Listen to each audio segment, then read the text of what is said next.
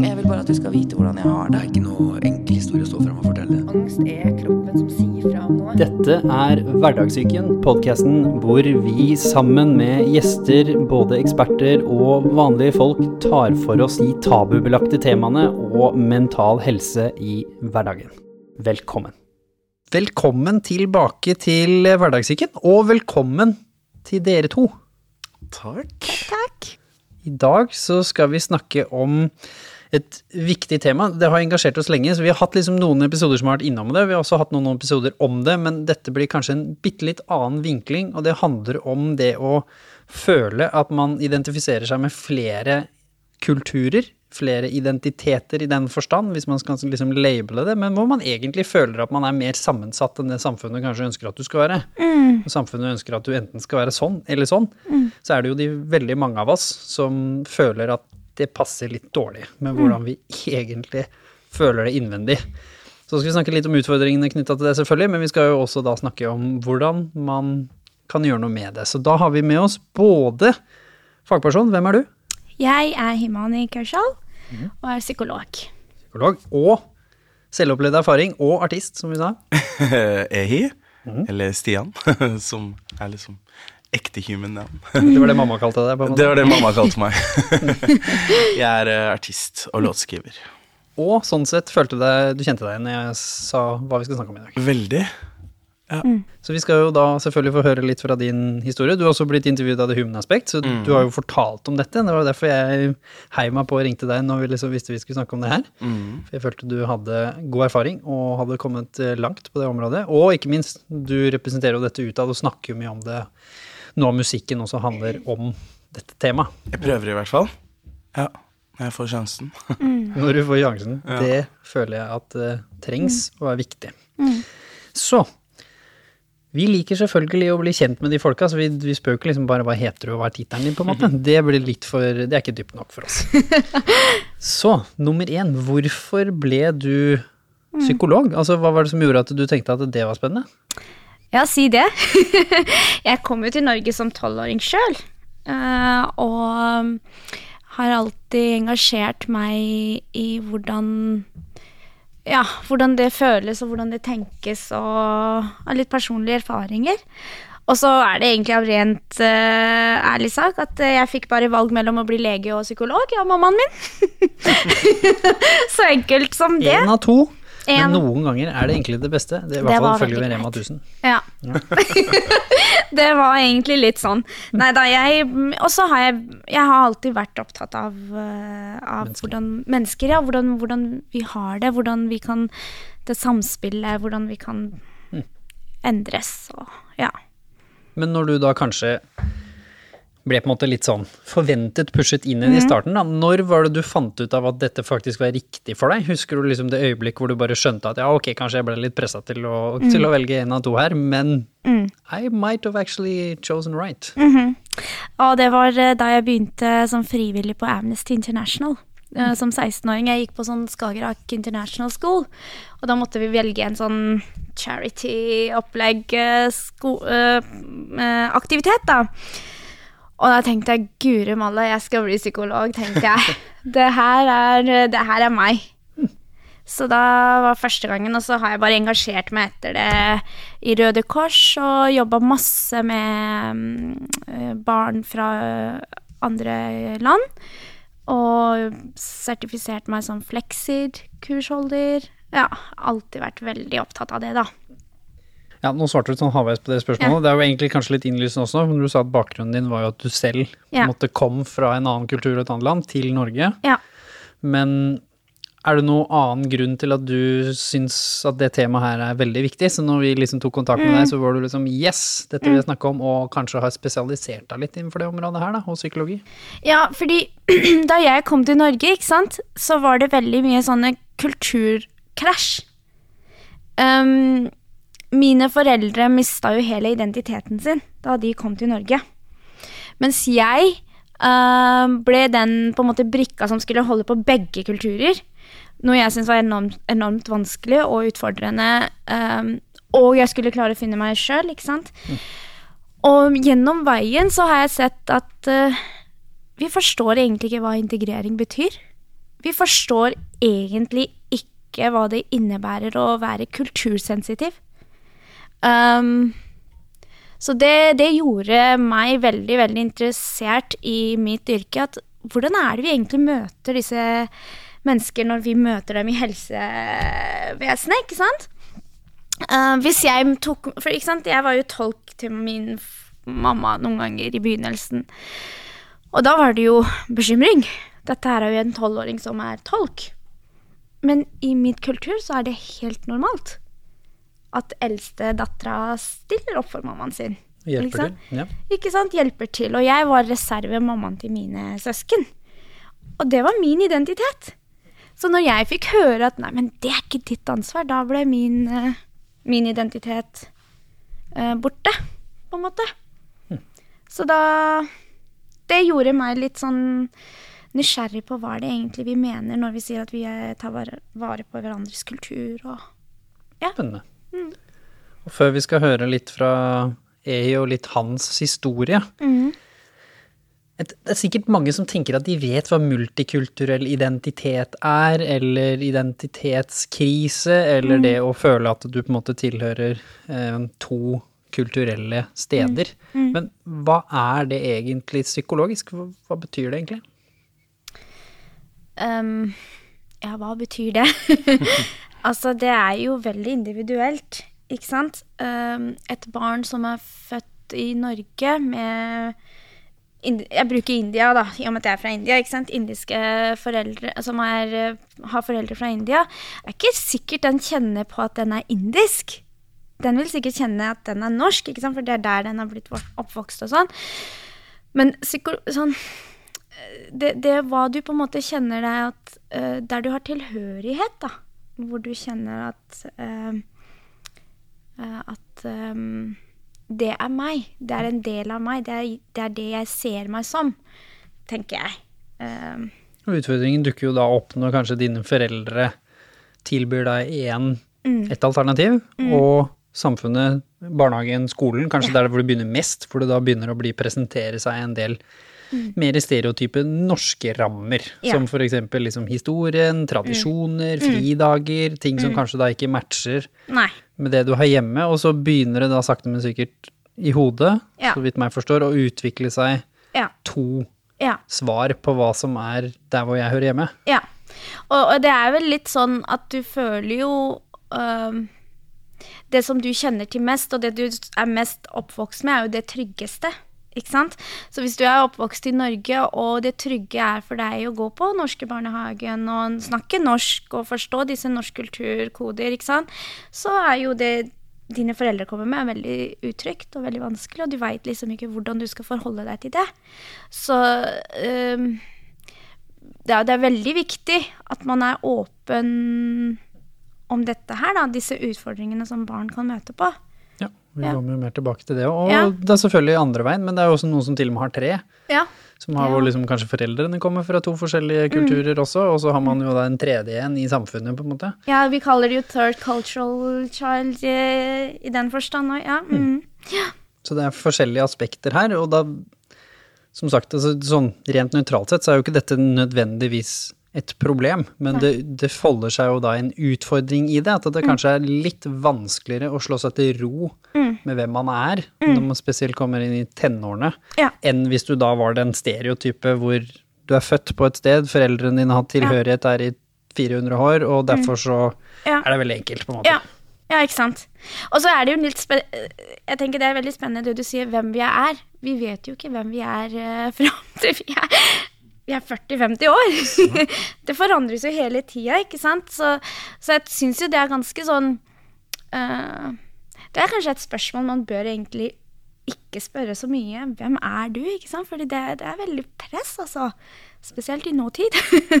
Ja. Hvor det er mye sosiale medier og Ja. Mm. Men uh, før vi skal liksom snakke litt om løsninger og svar, holdt jeg på å si, og hvordan man kanskje kan stå tryggere i det, og ikke minst alle fordelene med å få innspill fra flere steder, eh, og ikke minst hvorfor vi kanskje burde bryte ned disse ubrukelige labels og boksene sånn en gang for alle uansett. Fordi uansett hvor man er fra, så er jo de egentlig ganske unyttige. Så det kan vi jo snakke litt mer om etterpå. Men Ehi, Stian. Mm. Du var først Stian, og så Ja. ble det E-artisten, Så når du i utgangspunktet bare var Stian, Ja. hva var det du møtte på? Husker du første gangen du på en måte forsto at her var det ikke innlysende at alle andre mente at du hørte til på samme sted som du følte, på en måte? Ja, når var det, da? Jeg, jeg tenker jo at det kom ganske tidlig, på en måte. Jeg tenker jo at kanskje en av de første opplevelsene med det er vel på, i barneskolen. Ehm, hvor jeg liksom jeg, jeg husker at jeg, jeg ble spurt om, om, om jeg var adoptert eh, fra første klasse til sjuende klasse. Og det er liksom, dette er folk jeg gikk på barneskole med og var sammen med hver dag, liksom. Og, og folk var sånn bare Ja, Stian, du er jo adoptert. Jeg var sånn «Eh, Nah, not really. Nei, er ikke det. Og det var liksom en sånn føljetong, på en måte. Ikke at, ikke at det er noe galt å være adoptert, altså, men det var bare sånn Det er jo ikke meg. Det er jo ikke min identitet, på en måte. At det er jo bare sånn Ja, jeg tror kanskje det er første Det er liksom første minne med det. Men det er jo bare liksom en bitte liten del av det multikulturelle enigmaet jeg bare føler jeg er in the midst of, på en måte. Det er jo det, det er så mye, og det er så mye som på en måte har forma meg, både på godt og vondt, da. Men, men det, er, det er mye greier Mye greier der. Ja, og hvis vi kanskje liksom ser bort ifra den litt sånn stereotype innlysende tingen, at man kanskje blir mobba, fordi det gjelder jo ikke nødvendigvis alle, men, men hva var den interne, på en måte, lille krisen da, med identiteten om at, fordi vi vil jo, mennesker så vil vi jo liksom høre til, det er jo en av våre sterkeste drivere, og da vil vi gjerne høre til der hvor vi vokser opp, fordi det er jo der vi vokser opp. Så hva var det på en måte inni deg som, som begynte å utvikle seg som en sånn liten krise? Hva var det du strevde med når du på en måte følte at folk lurte på om du var adoptert, men du skjønte liksom ikke spørsmålet på det? Nei, altså For meg så var det så innlysende at jeg var norsk, på en måte. Fordi jeg har hatt veldig Jeg har hatt, jeg har hatt det i perioder Jeg, jeg er halvt uh, nigeriansk og halvt norsk. Uh, selv om jeg syns det er dumt å si at man er halvt noe. Jeg er jo helt menneske. Nei, men Du skjønner hva jeg mener? Altså man er, Jeg er nigeriansk, og jeg er norsk, liksom. Jeg er ikke halvt noen ting. Men, men jeg har hatt perioder hvor jeg har følt meg eh, hvit. Eh, jeg har følt meg norsk. Jeg har hatt perioder hvor jeg har følt meg nigeriansk. Eh, svart. Eh, mixed. Eh, og jeg tenker at for meg koker det kanskje ned til at det jeg kjenner meg mest igjen i, er jo at jeg er fra Stovner, på en måte, og Oslo. Jeg har en enorm sånn Oslo-patriotisme. Så hvis folk spør meg hvor jeg kommer fra, så svarer jeg Stovner eller Oslo, fordi jeg føler, meg, jeg føler meg mer oslosk enn jeg føler meg norsk. Fordi det, det, det, var så, det var så mange sperrer i det å være norsk for meg. Eller i det andre forbandt med å være norsk, da. Som jo kanskje er å være hvit. Kan du Eh, fortelle litt om de utfordringene, før vi liksom går inn i hvordan du klarte å lande på Ja. den trygge i deg selv som du er nå? Altså mye mer, farge, altså mye mer liksom rom for mer enn én label. Jeg tror at ehm, Jeg kan jo bruke et eksempel. Altså navnet mitt, da. Jeg heter jo Stian Ehiabi og Mole Jensen. Og eh, det er liksom Det er ett norsk navn og ett nigeriansk navn. Og eh, jeg hadde en periode helt sykt store problemer med å bruke hiabi. Og altså, det ble så ille at jeg bare jeg, jeg klarte det ikke til slutt, så jeg slutta å bruke det, og jeg ba familien min slutte å bruke det. Og det var liksom fordi folk tulla med det, og, og folk på en måte Du kan jo ikke være norsk fordi du heter jo Ehiabi. Og det er bare sånn Men hei, jeg heter Stian òg, og hvem skal bestemme at ikke man kan være norsk og hete hva faen man vil, på en måte? Hva følte du da, når liksom folk andre bestemte hvem identitet du hadde bare av noe så teit som, som navn? Og det er jo til og med valgte navnene dine. Altså, du kunne jo kalt deg hva som helst. Du kunne Mm. Ja. jo blitt kalt Firkant. Altså, Ja. liksom, du kan jo hete hva du vil. Ja. man, man føler jo at man blir satt i en boks. Eh, helt klart. Eh, jeg blir Altså, man blir jo dritsur, liksom. Altså, jeg har hatt sittet på mye sinne eh, Som jeg på en måte har forstått nå, da. Etter at jeg har blitt voksen og en del år i terapi. Men, men man, man, blir så, man blir så innmari sinna. Man føler seg så oversett, og man føler seg så plassert fordi noen, noen mener at du ikke er norsk nok.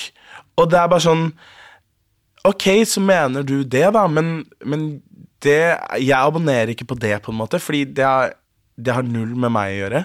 Men, men folk på en måte presser sine synspunkter på deg, og, og på en måte gjør de relevante selv om de ikke er relevante, og det er jo åh, kanskje det som gjør meg mest sint, da. Og som gjør meg like sinna i dag, fordi det skjer jo like fullt Fortsatt. og like mye hver eneste dag fortsatt. Hva er kanskje liksom de to tøffeste minnene du husker? Hvis du liksom skal trekke fram to eksempler, kanskje en fra da du var litt yngre, og en fra du er litt mer voksen. For det er som du sier, det har ikke, utfordringen har jo ikke slutta, fordi samfunnet er nå fortsatt som det er, dessverre. Hvis du skal begynne med en når du var yngre, da, hva var liksom en sånn typisk veldig tøft minne som du husker, hvor du skjønte og ikke følte deg at du fikk aksept for den du ville være?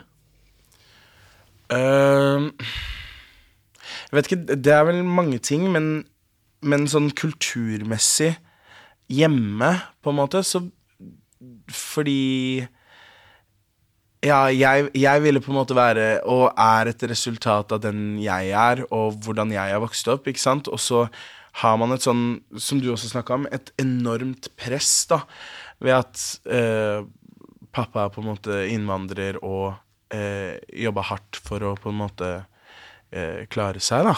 Eh, og man Ja, det, det, er liksom kulturkrasj, og man, man blir møtt av to forskjellige forventninger. Og, man, og, og det tenker jeg det er, det er vanskelig som barn. Jeg har jo hatt eh, ganske vanskelige forhold til faren min opp igjennom òg. Og det, det med at man liksom Det er så mye forventninger. Han forventer at jeg skal gjøre disse og disse tingene.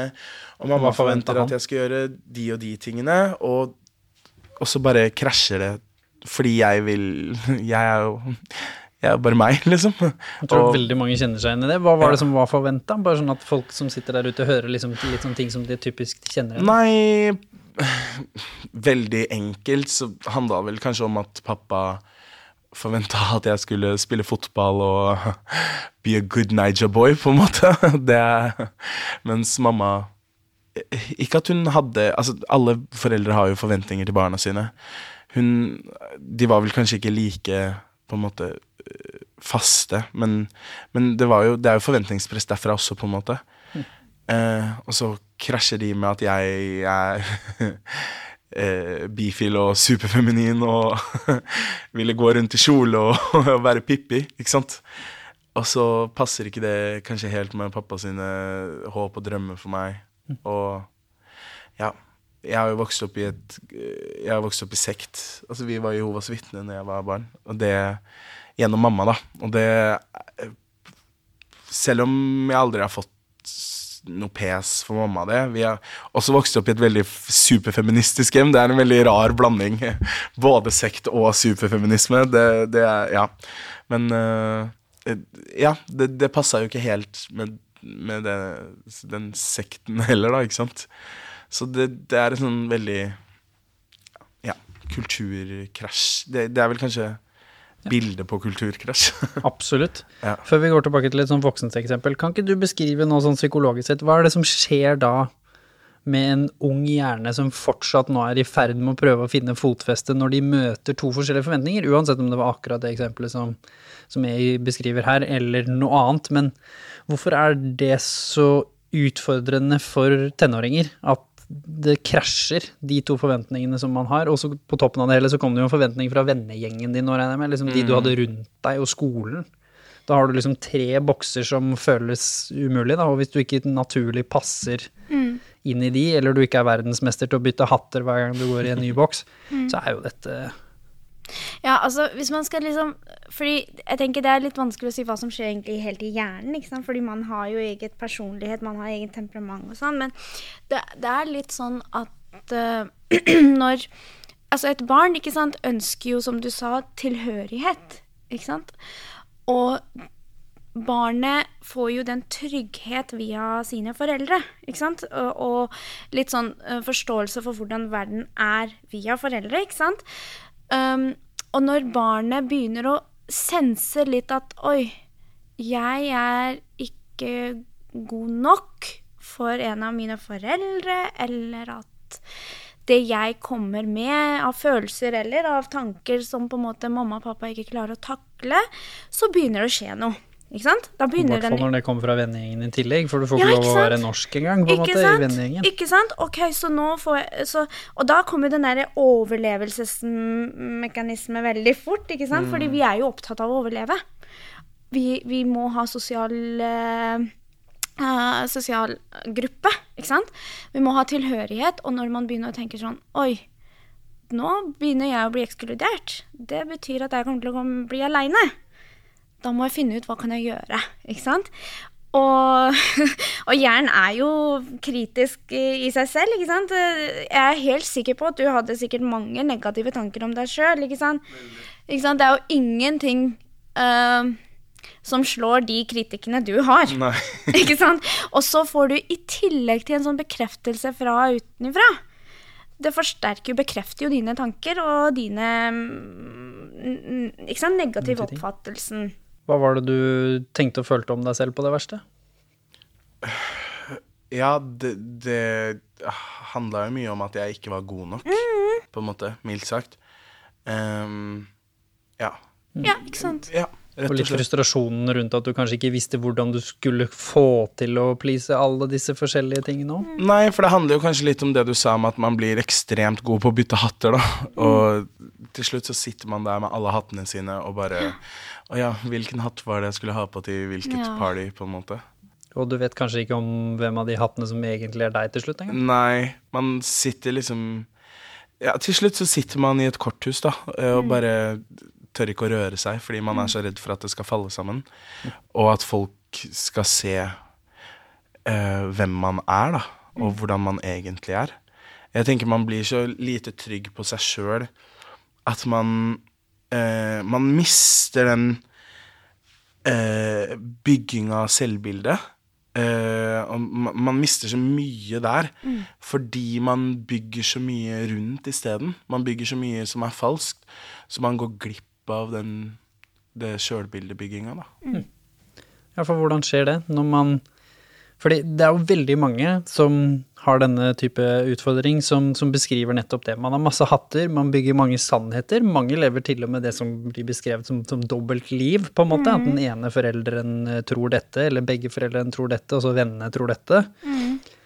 Hva er det som skjer da med identitetsbyggingen, og som han også sier, liksom selvbildet og selvverdsbyggingen vår, når vi holder på sånn? Hva er det som skjer da? Altså, det vil jo bli enormt forvirrende, ikke sant? Uh, og det er ganske skummelt.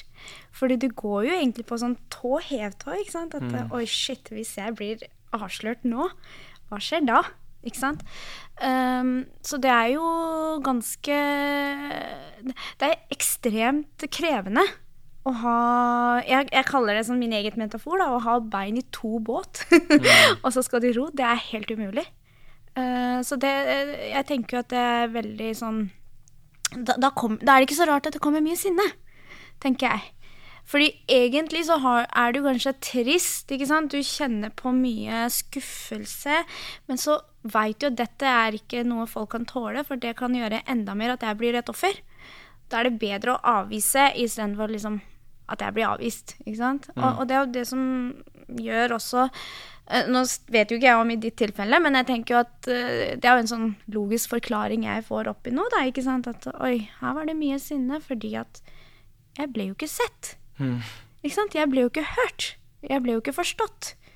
Og det er jo det som bygger vår selvfølelse, da, ikke sant. Hvis uh, du får en opplevelse av at hvis jeg går, går til mamma eller pappa og sier at jeg er redd, og jeg kan få en forståelse for det, uavhengig av at det er sant eller fa usant, men at de ser at oi, nå var du redd, hva kan vi trygge deg med? Så vet du at oi, det jeg kjenner på er riktig, og det er noen andre som tåler det. Sant? Var, det var det svaret? Nei, men det, det er du som er det fagpersonen. Hva var det? Jeg tror det. Men Ja. det, det må ha vært veldig slitsomt òg. Ja, men det, det er jo Altså, det, man blir jo Man er med på et race med seg sjøl, liksom, hvor man constantly bare jager og jager og jager fordi man eh, man, man bygger opp så mange vegger rundt, ikke sant, som er falske, og så bare faller den ene ned, og så blir det dominoeffekt, og så bruker man masse tid på å jage og løpe fra sannheten. Så man blir jo veldig, ja, man blir veldig sliten. Jeg tror, jeg, jeg, tror jeg var sånn Jeg måtte liksom eh, Og det er null, null shade på Stovner, fordi jeg elsker jeg elsker stedet mitt, liksom. Jeg elsker fortsatt Stovner. Men, men jeg, måtte liksom, jeg måtte bort fra Stovner for å på en måte komme ut av skapet og Og bare bli, bli meg, på en måte, da. Eh, jeg var ganske gammel når jeg gjorde det. Jeg var liksom ja, 20-21 ish. Før jeg på en måte klarte å deale med at liksom Ja, både i form av det å være bifil, men òg i form av uh, ja, kulturen min, da. Og at jeg er norsk-nigerianer, og bare være komfortabel med det. Fordi man Ja, det, ja, det, er, det, er, mye, det er mye motsigende, og det er mye, mye aspekter som krasjer, og ikke at nødvendigvis må gjøre det, men eh, for meg så var det Jeg hadde på en måte ikke helt funnet ut av min identitet, da, og hva som var hva, og hva som krasja med hva, og hva som faktisk gikk an. Ja, hvordan gjorde du det? Hvordan klarte du liksom å få kanskje litt motsigelser til å, å få åpna hjernen litt med at ja, men på en måte de to forskjellige kan jo leve i samme verden? For det er jo det man ikke tror når man er ung. Da tenker man liksom jeg må velge. ja. Så det føles jo helt umulig at du kan på en måte møte faren din sine forventninger samtidig som du møter mamma, samtidig som du møter vennegjengen. Men etter hvert så kanskje finner man jo ut at eh, svaret kanskje lå hos deg hele tiden. Ja. Jeg tror det er liksom Jeg tror det er så kjedelig som at det er mye levd liv, liksom. Jeg tror man bare må leve mye og prøve å feile, liksom. Eller det var, det var i hvert fall min oppskrift på det. Hva var det som hjalp med å, å flytte vekk? For det er det jo også mange som beskriver som nyttig. Ikke nødvendigvis at hele svaret ligger der, men det å flytte til et sted hvor ingen kjenner deg, hvor du kan på en måte begynne på nytt. Jeg Ja, gjorde jo det det var, på en selv. ikke, det var på en måte ikke flykting, det var flytting, ikke sant? Hvor jeg bare kom meg ut og kunne se meg sjøl litt utenifra òg, og kunne liksom Yo, sånn her kan du ikke holde på lenger, fordi det er så toxic og bare Man bare graver seg ned, ikke sant? Ehm, så det å kunne komme litt ut og, og treffe litt nye folk, det tror jeg hadde Eller det vet jeg hadde mye å si. Hvor var det du dro? Hva var det som positivt skjedde? Jeg flytta ikke så langt. 20 minutter med banen inn til sentrum. Uh, ja, jeg, tror det var det. Men det var på en måte nok, fordi det var det på en måte det å Ja, det å kunne komme inn til sentrum og bare Nå høres jeg ut som jeg har flytta fra Nordkapp. Men, men, men det å på en måte liksom lage sine egne fristeder, da. Hvor jeg på en måte turte å være meg, og hvor jeg kunne eksperimentere med ting. Uh, ja, liksom Altså klær, stil uh, Altså bare gange, liksom. Det at man kan slippe seg litt fri, liksom. Bare puste ut. Det, det gjorde meg mye tryggere på meg. Og gjorde at jeg kunne sette pris på de tingene jeg syns er fint med meg, da, og kulturen min, på alle mulige måter. Og ja Utforske, liksom. Ja, rett og slett. Akkurat det med utforske er jo veldig viktig. Jeg husker jo også, uten at jeg hadde to liksom, nasjonalitetskulturer, så var jo vi en tilflytterfamilie også på bygda der jeg kom fra, men jeg følte jo ikke at jeg passa inn in the first place, verken min egen familie eller på en måte bygda der hvor jeg kom til. Men når jeg endelig fikk gå på videregående et annet sted, selv de første to, to årene hvor jeg fortsatt bodde hjemme, så dro jeg på en måte med bussen til et annet land, det føltes sånn, hvor jeg kunne begynne på nytt, og hvor det plutselig ble lov å utforske litt uten å bli judga. Fordi jeg følte liksom der hvor jeg vokste opp, med en gang jeg liksom testa noe nytt, så var det jo noen som pekte på det med en gang. De bare 'herregud, hva gjør du med den vendingen, Er ikke du min venn', liksom? Eller så hvis du plutselig testa en ny idrett, eller liksom gikk annerledes, som du sier, eller tok på deg en bukse som var en annen stil, så ble du enten mobba for det, i mitt tilfelle, eller pekt på det hvor du liksom du følte at du ble korrigert for å teste utafor liksom boksen. Og det var veldig ødeleggende for meg, for til slutt så visna jeg jo inne i den stia som jeg følte jeg ikke hørte hjemme i. Så hvorfor er det så viktig å kanskje noen ganger få fysisk muligheten, gjennom kanskje å flytte, eh, til å få lov å begynne på nytt? Hva er det som kan være sunt med det, sånn psykologisk? Kanskje spesielt hvis man føler at man har multikulturell identitet, da. Altså, det er et veldig stort spørsmål det du spør, fordi at eh, Bare store spørsmål. På, ja, ja, ikke sant. Det er veldig vage Nei da. Men, men det som er Jeg tenker at det var veldig fint det du sa. Det var ikke flyktning, det, det var flytting. Ikke sant. Det, det å endre omgivelser fordi noen ganger Altså hvis vi tenker sånn eh, biopsykososial modell, da, ikke sant. Så noen ganger så er det faktisk sånn at man må gjøre noe med miljøet sitt Ja. for at man skal ha det bra. Ikke sant? Og da tenker jeg det er kjempeviktig, sånn som du gjorde, ikke sant? det å bare kjenne på den at jeg kan ta et valg. Jeg kan ta valg om å gå akkurat sånn som det her. ikke sant? Det gjør jo da at tenkehjernen, da, som vi kaller det liksom allmennspråk, tenkehjernen er veldig på, og du er mer bevisst på hva gjør jeg nå? Hvordan kjennes det når jeg går på den måten? Hvordan kjennes det når jeg er i byen og bare ser rundt meg og kjenner meg at her tilhører jeg, liksom. Ikke sant? Så, så der, fordi eh, jeg tenker det er veldig fint det du sa med at når man er ungdom, så er veldig mye svart-hvitt. For sånn er verden. Ikke sant? Enten do or die. Ikke sant? Det er sånn det funker. Og da hjelper du ikke veldig med disse kravene. Ikke sant? At nei, nå skal du bare gjøre sånn, nå skal du bare gjøre sånn. Og man føler seg så låst. Så jeg tenker flytting noen ganger kan være veldig bra, hvis det er flytting, ikke flykting. Og litt friheten i det, ikke sant. Det, foreldre er sunt, men det sunne Det er jo også en grunn til at man Ja. naturlig skal flytte hjemmefra på et eller annet Ja. tidspunkt, og det gjerne er i den alderen. Ja. Det er jo det som er vanlig over hele verden, og kanskje romstere litt ute, selv om i noen kulturer så, så kommer man tilbake igjen. Ja, men, ja. men det var veldig sunt for meg ja. Å flytte litt ut, og så komme tilbake igjen. For jeg så jo mine foreldre også helt annerledes, og plutselig så var jo ikke alt det de sa sannhet heller. Nei, ikke. Det var bare en mening. mening. Ja. Og plutselig så så jo ikke jeg så hardt på dem heller. Da skjønte jo jeg at Mm. du kommer med din mening fra et godt sted. Men det er ikke sånn at jeg må høre for å være bra nok. Nei. Det skjønte jeg ikke da jeg var yngre. Men jeg tenker jo litt sånn eh, Jeg bare kjenner litt også at jeg har litt hjerte for disse foreldrene òg. Ja, helt klart. Spesielt det med sånn multikulturelt, ikke sant. Det å komme til et nytt land, ikke sant. Du har lagt fra deg alt sammen. Det er superopprivende. Ja, og så er det sånn Du er den eneste unge de har som de kan være med og kjenne liten tilhørighet til. Ikke sant? Og så kommer du til da Norge, hvor du går på norsk barnehage, når du har alle norske venner, ikke sant. Og så bare Hvor er det jeg finner den der lille nigerianske delen, ikke sant? Hvordan kan Du jeg føler at du mister Ja, barnet ditt. Hvordan Og ikke minst du føler kanskje ikke du forstår barnet ditt i det Ja, hele tatt. Så valgene Ja, som blir tatt, er jo noe man helt snakker annet. to vidt forskjellige språk, liksom. Ja. Og man klarer ikke å kommunisere lenger, fordi de tingene man trodde man hadde til felles, de blir litt viska ut. Mm. Ja. Så det, for min del så handler det ikke om at jeg det, det er ikke sånn at jeg hater foreldrene mine Nei, fordi, nei, de nei. Ikke, fordi man får press, på en måte. da Det handler, det handler mer om at det var bare jeg, jeg tror det er litt uunngåelig hvis Mm. man ikke Men man skal hate foreldrene sine òg, på et Jo, jo. tidspunkt, ikke sant? Jo, men jeg tror det er det det er viktig å si, at det, Ja. det er jo ikke det er jo ikke nødvendigvis onde intensjoner, Nei. det finnes jo det òg, men her handlet Ja. det jo mer om nummer én, det er generational gap, som alltid vil være mellom foreldre og Sånn sine barn. Mm. Absolutt, Og spesielt når verden bare utvikler seg raskere og raskere, sånn som den gjør nå. Ja.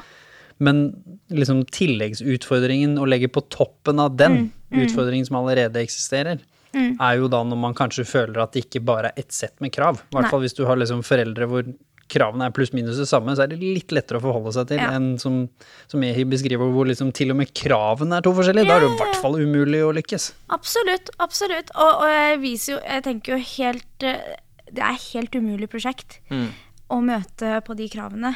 Uh, og så er det noe med det, ikke sant. Samtidig så uh, tenker jeg det er så fint det du sier, det med at ja, men jeg hater jo ikke dem, ikke sant. Men det er sånn det Til og med forstår dem. Ikke sant, til og med forstår dem. Men, Ja, jeg- 100% ja, men, men jeg tror den endringen måtte til fordi at, som du sier, ikke sant, måtte få den selvstendighetsfølelsen. Man må det. Ja, Det Jeg forsto jo ikke at det kom fra et godt sted før, som, som jeg sa, jeg så meg selv litt utenifra. Mm. Ja. Og klarte å tenke litt, og fikk lov å etablere litt fotfeste. Så når Ja. jeg kom tilbake hjem igjen, så var jeg litt tryggere i hvorfor jeg tok mine valg òg. Mm. Så nå liksom mamma eller pappa eller liksom noen ytra noe mening, så var det ikke bare for meg å liksom gå rett i forsvar og Nei, dere forstår meg ikke, dere hører ikke på meg. Sånn som det ble mye av da jeg var yngre, og mye frustrasjon. Ja, for man var lever det jo i det, ikke sant? Ja, da kunne det... jeg jo argumentere tilbake. Ja, ja. Men på en, på en fornuftig måte, hvor Ja, ja. foreldrene mine også kanskje noen ganger skjønte at ja, ok. Mm. Og så kunne de slå seg til ro, men det var ok, greit. Jeg er ikke nødvendigvis Mm. enig. Jeg syns det er veldig skummelt at du skal velge den veien, fordi den føles mindre trygg for meg som forelder, men ok, du argumenterte i hvert fall. Ja. Så det skjedde jo ikke da jeg var yngre. Da, da kom vi aldri til gode samtaler. Det var jo bare Og så har sånn man kanskje krasj. perspektiv nok til å se hvor foreldrene sine kommer fra òg, da. Hvor, hvor er det det her eh, hvor, hvor er det det kommer fra? Hva er det som gjør at hva er det som gjør at de gjør som de gjør, og handler som de handler, og sier som de sier, på en måte. Og det tenker jeg er mye det, det- det er det, det, altså det er hard jobbing, på en måte, å forstå det, da. Og når man på en måte i tillegg skal putte kulturelle briller oppå det òg, da, så er det en, det er en heltidsjobb, på en måte, å vokse opp. ja, ja. Og, og jeg tenker absolutt, også både som psykolog og som et menneske og som et mamma? Jeg tenker ikke at barn skal ha det ansvaret. Nei. Fordi når du er barn, så er du helt avhengig av dine foreldre, skal regulere deg og seg sjøl, ikke sant? Når du er ungdom, så er det helt Altså, vi må tenke litt normalpsykologien her, ikke sant? At det er ikke sånn at eh, når du er 13, så forstår du akkurat hva forelskelse er, og hvordan du skal håndtere sinne og alt. Ikke sant? Det lærer du jo av dine foreldre. Og dine. Og dine erfaringer. Ikke sant, prøve å feire på en måte. ikke sant? Og, og der er det foreldre som spiller veldig stor rolle. De kan lære deg at det er lov å være sint, det er ikke lov å slå. De lærer deg disse nyansene. Så, så jeg tenker at det er ikke ungdommens ansvar at de skal forstå det. Men selvfølgelig, når du blir litt eldre og får din egen identitet og personlighet, og sånn, så begynner du jo å skjønne det. Men jeg tenker, når det står på, er det jo kjempevanskelig. Og det er litt viktig, fordi jeg tenker at når jeg møter familie med forskjellige mm, flerkulturell bakgrunn, da, for eksempel, ikke sant? så er det litt sånn Ja, men hun må forstå at sånn er det. Nei, det er ikke sånn. Nei, det kommer jo liksom fra et godt sted, men jeg kan også forstå liksom umuligheten i det hele, da, hvor Mm. man tenker at liksom Jeg føler at jeg kommer fra gode verdier, eksempel, eller Mm. jeg føler at jeg har gode tradisjoner med meg som har vært viktige for meg, som Mm. en pappa, eksempel, eller som en mamma. Og så ser jeg kanskje barnet mitt ute i den store, skumle verden, som er jo skummelt nok i seg selv. Kanskje da Mm. Kan begynner si. å liksom tendere til andre verdier. Mm. Og når vi ikke da har en god samtale om hvorfor Ja. gjør du det, og kanskje til og med at jeg etter hvert skjønner at he's doing that fordi jeg pressa så hardt Ja. på my way, så det kan hende til og med at det er jo et rent opprør, som det er ganske mye av, ikke sant? hvor man egentlig bare gjør ting som man egentlig ikke vil engang, fordi man på død og liv skal i hvert fall ikke gjøre hva foreldrene sier. Og i hvert fall ikke når det er to. Nei, og når man putter på en måte ekte konsekvenser oppå det også, da. Ja, ikke sant? For eksempel eh, på Stovner der jeg er fra, så har man på en måte Jeg vokste opp med mange venninner og kompiser som på en måte har Du har hele Du har familien din eh, som presser på, og så har man på en måte eh, communityet rundt, da. Ikke sant? Som også presser på. Familie, og det går ikke og bare, rykter og sånn. det går ikke bare utover deg eller familien din. Det er på en måte Plutselig Ok, vi så deg gå sammen med en gutt. Og så er det bare sånn Ja, men da er det på en måte Det reflekterer bad på hele familien din. Ikke bare, ikke bare deg. Så hvis man kunne ha tatt den derre Hvis man kunne ha tatt sin egen liksom eh, greie og, og, og went with it, på en måte, så hadde det vært en annen greie. Men, man, men det går utover på en måte hele familien din, og så plutselig ringer slekta fra hjemlandet og bare. Yo, vi hører at du går rundt på Stovner med en gutt. Hva er det her for noe, liksom? Så det liksom Det har så utrolig stor impact, da. Og det og da Som du sa i stad, det, det er på en måte ikke van, Det er ikke lett å være forelder i det heller. Nei. Man, man er nødt til å se man, er, man, er, man, man må se på det mer holistisk, liksom. Ja. At det er det, For det er et helhetlig bilde som males, liksom. Man kan Så ikke er det jo denne store elefanten som står i rommet også, som er vanskelig å adressere noen ganger. Det er også at foreldrene vet at ute i den store verden så finnes det rasisme. diskriminering. Det finnes ting de vet du kommer til å møte på, eller i hvert fall de frykter du kommer til å møte på, som gjør at hvis ikke de vet at du liksom du må jobbe litt hardere. Du må være litt flinkere på skolen. Du må være litt snillere. Du må i hvert fall ikke rote deg bort til politiet. Det, er en del kriterier de føler at du må fylle opp som barn, for det, det er sånn de har lært og, og sett. Det er jo det er ekte verden. Ja. Hvis ikke du lykkes med det, så er de livredd for at du kommer til å ha det forferdelig. Og når jeg prosjekterer det i tillegg da, på deg, jeg, som, en, som en sønn, og i tillegg jeg ser at du kanskje velger en sti som, som oppleves som den som er en minoritet, i tillegg da som du sier at du er bifil, og jeg som, som generasjon, for det er jo mer en generasjonsutfordring enn en kulturutfordring, som er da at jeg som generasjon vet at de som var bifile når jeg vokste opp, som liksom for 40 år siden, de ble på en måte hengt på gata eller kasta ut. Og så har jeg skjønt at det har blitt litt bedre, men jeg skjønner også at du kommer til å få et litt vanskeligere liv enn hvis du tilfeldigvis passa inn i boksen og likte jenter. Ja.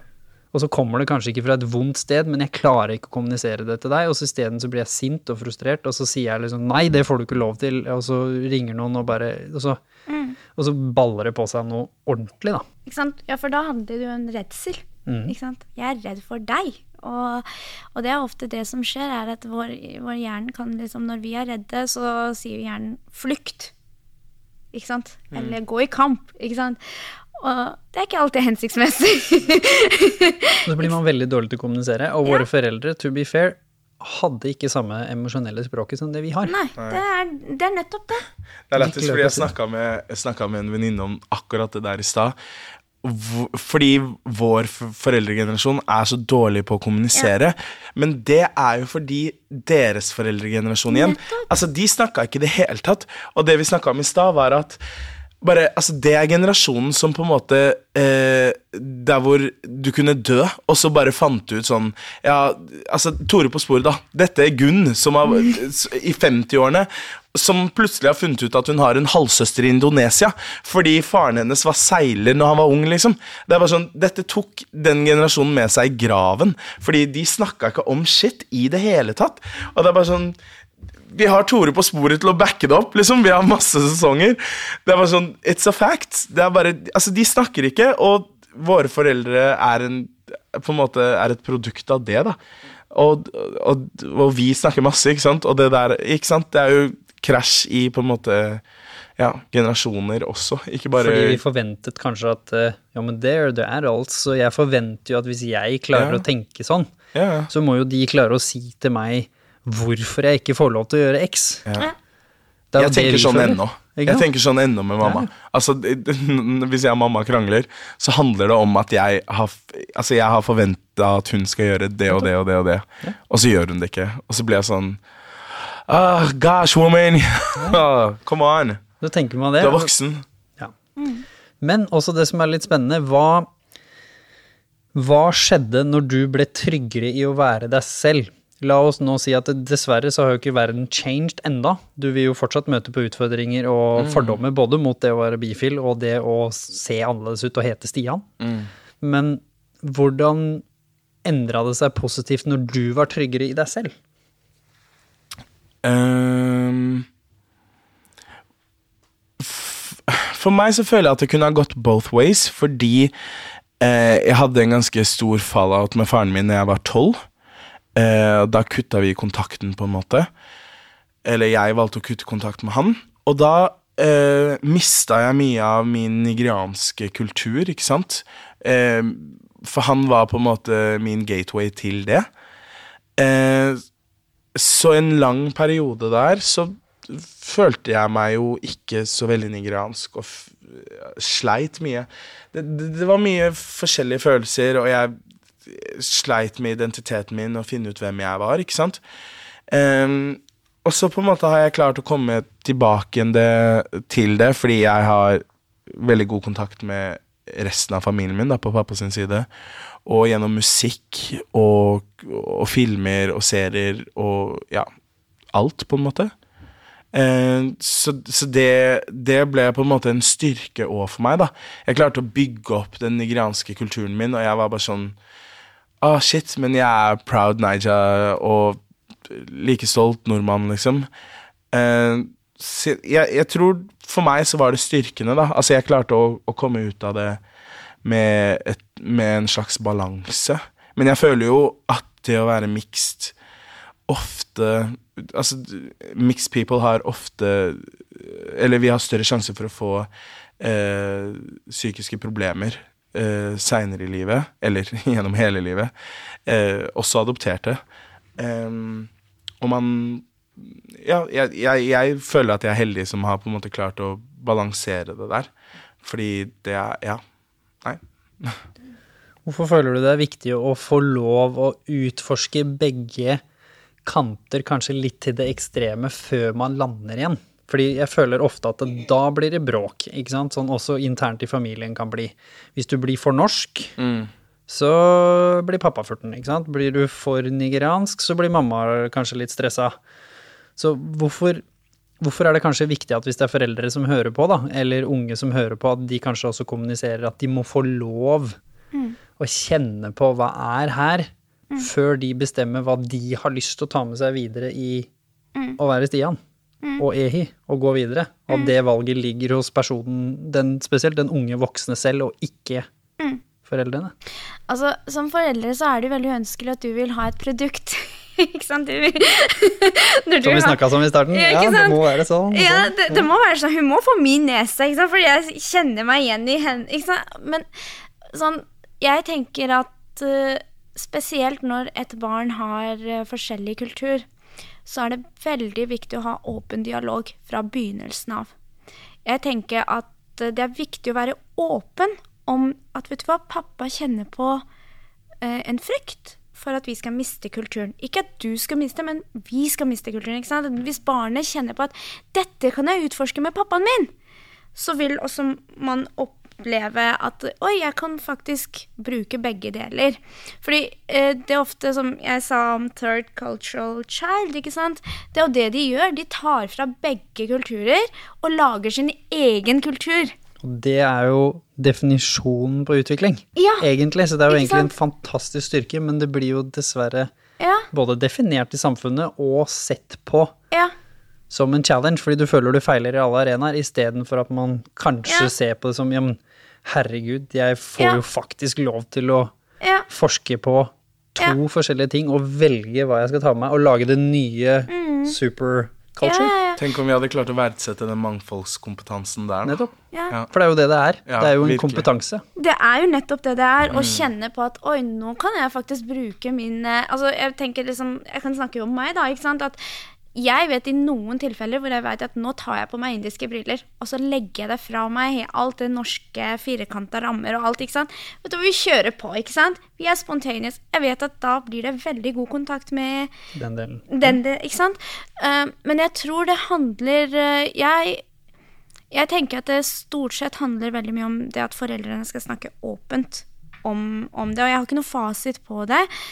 Samtidig så tenker jeg litt sånn at fasiten ligger litt i det å være forståelsesfull, og så forstå at dette er, et, dette er mitt barn, men dette er ikke noe jeg kan styre. Og kanskje også skjønne at Ja. det er jo et innsalg, på en måte. ja. Det er jo mitt ansvar som din Ja. far å selge inn the good parts Good of parts, Nigeria. ja, ja. Og det samme med mor. Liksom, Ja. The good parts of, Ja. of Norway, og også Ja. tørre å si, folkens, Nigeria er Afrikas mest folkerike land. It's not like there's one culture. Og samme som Norge. Det er ikke noe som heter norsk kultur og identitet. Det er bare sprøyt. Det er jo Ja. et veldig sammensatt, snodig land, Ja. hvor til og med folk som bor på to sider av ja, ja. elva, har, som du snakka om i stad, det er som Stovner Ja. versus liksom kanskje en annen del av Oslo. Ja, ja, ja. Ser jo ikke på hverandre som er liker i det hele tatt. Jeg tenkte på det når du sa det, at man skal på en måte ikke lenger enn fra Grorud til Nei, nei, nei. eh, Holmenkollen, på en måte. Hvor man lever to vidt forskjellige liv og har to vidt forskjellige kulturer. Så man mm, Ja. Jeg det- studerte i Tromsø og bodde der syv år. Det er helt annen kultur. Der kjente jeg at nesten jeg var i India. Ikke sant? Ja. For det er så åpenhet. Det er sånn Ja. Folk går inn og ut og snakker åpent. Du står ikke på busstoppet aleine. Mens i Oslo så er det du blir sendt hjem når vi skal ha middag, fordi vi bare Ja. kjøpt tre kylling. Ja, ja. Ikke sant? ikke sant? Ikke sant? Men, men, men jeg tenker sånn jeg, jeg, jeg tenker min datter, ikke sant, som er eh, indisk og har begge indiske foreldre, og hun i en periode var hun sånn Nei, jeg skal ikke ha på meg indiske klær. Sant? Hvis jeg hadde tvunget på det, så er jeg helt sikker på at hun hadde hatet nå. Synet på det ville vært ekkelt. Ikke sant? Så jeg fortsatte jo å ha på, fordi jeg syns Fortalte henne alltid at mamma syns jo dette er fint. Og så begynte vi litt sakte, men sikkert. Og nå vil hun jo ha matchende klær. Men det handler litt om at hun fikk valg, som, som jeg hørte du ikke sant, ikke følte at du hadde, fordi noen bare bestemte at du skal hete det, og så er det ferdig. sant? Eller nå skal du bare kalle deg Stian, fordi ikke sant? Det, det, er Eller at når du sier at jeg bare Akkurat nå vil jeg bare hete Stian, Stian? don't use that other name. Ikke Og istedenfor at man da blir livredd og tviholder på det, så sier man ok, vet du hva, Stian. Det er greit. Gjør det, du. Og så stoler jeg på at Ja. it's gonna get there, og at du vil Ja. kanskje ha lyst til å utforske litt Ja. den andre siden, igjen. Ja. Ja. Du tenker liksom ut ifra KOS-sirkelen, ikke sant? At du lar barnet utforske. Du lar barnet støtte du støtter barnet i den utforskningen, og så tar du den imot når barnet kanskje er forvirra eller kanskje glad òg? Fordi vi er veldig flinke på det med å de negative følelser, men vi må også huske å validere de gode følelsene. Ikke sant? Så kult at du fant stoltheten i ditt utenlandske navn, eller så kult at du finner stoltheten din i norske navn da har du laget deg identitet som er veldig viktig, ikke sant? Det er jo, ja, jeg tenker Og, det. og hvorfor må vi liksom ta og ødelegge disse boksene? Hva er det vi hva er det på en måte vi må gjøre nå for å sørge for at det ikke backfire igjen? Fordi det vi har sett i samfunnet nå, det er jo at det er større polarisering. Vi har sett det i valget, vi har sett det i Black Lives Matter, vi har sett det i masse forskjellige movements, hvor istedenfor å kanskje adressere det som jeg tror de fleste burde i hvert fall være enige om er et problem, så har vi heller lagd to harde sider som i hvert fall ikke hører på hverandre. Som står og kaster stein på hverandre, og så har du egentlig 80% av befolkningen står i midten og bryr seg ikke filla, egentlig, fordi de bare er lei av begge kaossider, og, og ikke minst føler seg litt redd og usikker, fordi hver gang de prøver å rekke opp hånda på en litt sånn klønete måte, så får de stein i huet av en av dem som sier at det er feil. Så hvordan skal vi nå bruke disse flotte eksemplene på hvorfor det er en styrke, som vi sa i stad, å ha flerkulturell kompetanse. For det er jo det det er. Det er flere språk, det er større forståelse, det er større perspektiv. Det er jo egentlig bare positivt i det, selv om det er litt mer utfordrende å vokse opp sånn. For det er jo som du sier i stad, er at eh, ja, statistisk sett så ser man kanskje at folk som vokser opp med en så utfordring i starten, kan ha potensielt større sannsynlighet for å kunne få psykiske utfordringer i fremtiden. Det er jo statistisk riktig, men jeg tror det er en konsekvens av at Ja. vi ikke har snakket om styrken. Ja, at vi ikke klarer å, å behandle det som vi burde Yes. gjøre, da. For- Og da blir det en selvoppfyllende profeti. For da istedenfor at vi sier at det er en styrke, da, så sier vi ja, der ser du.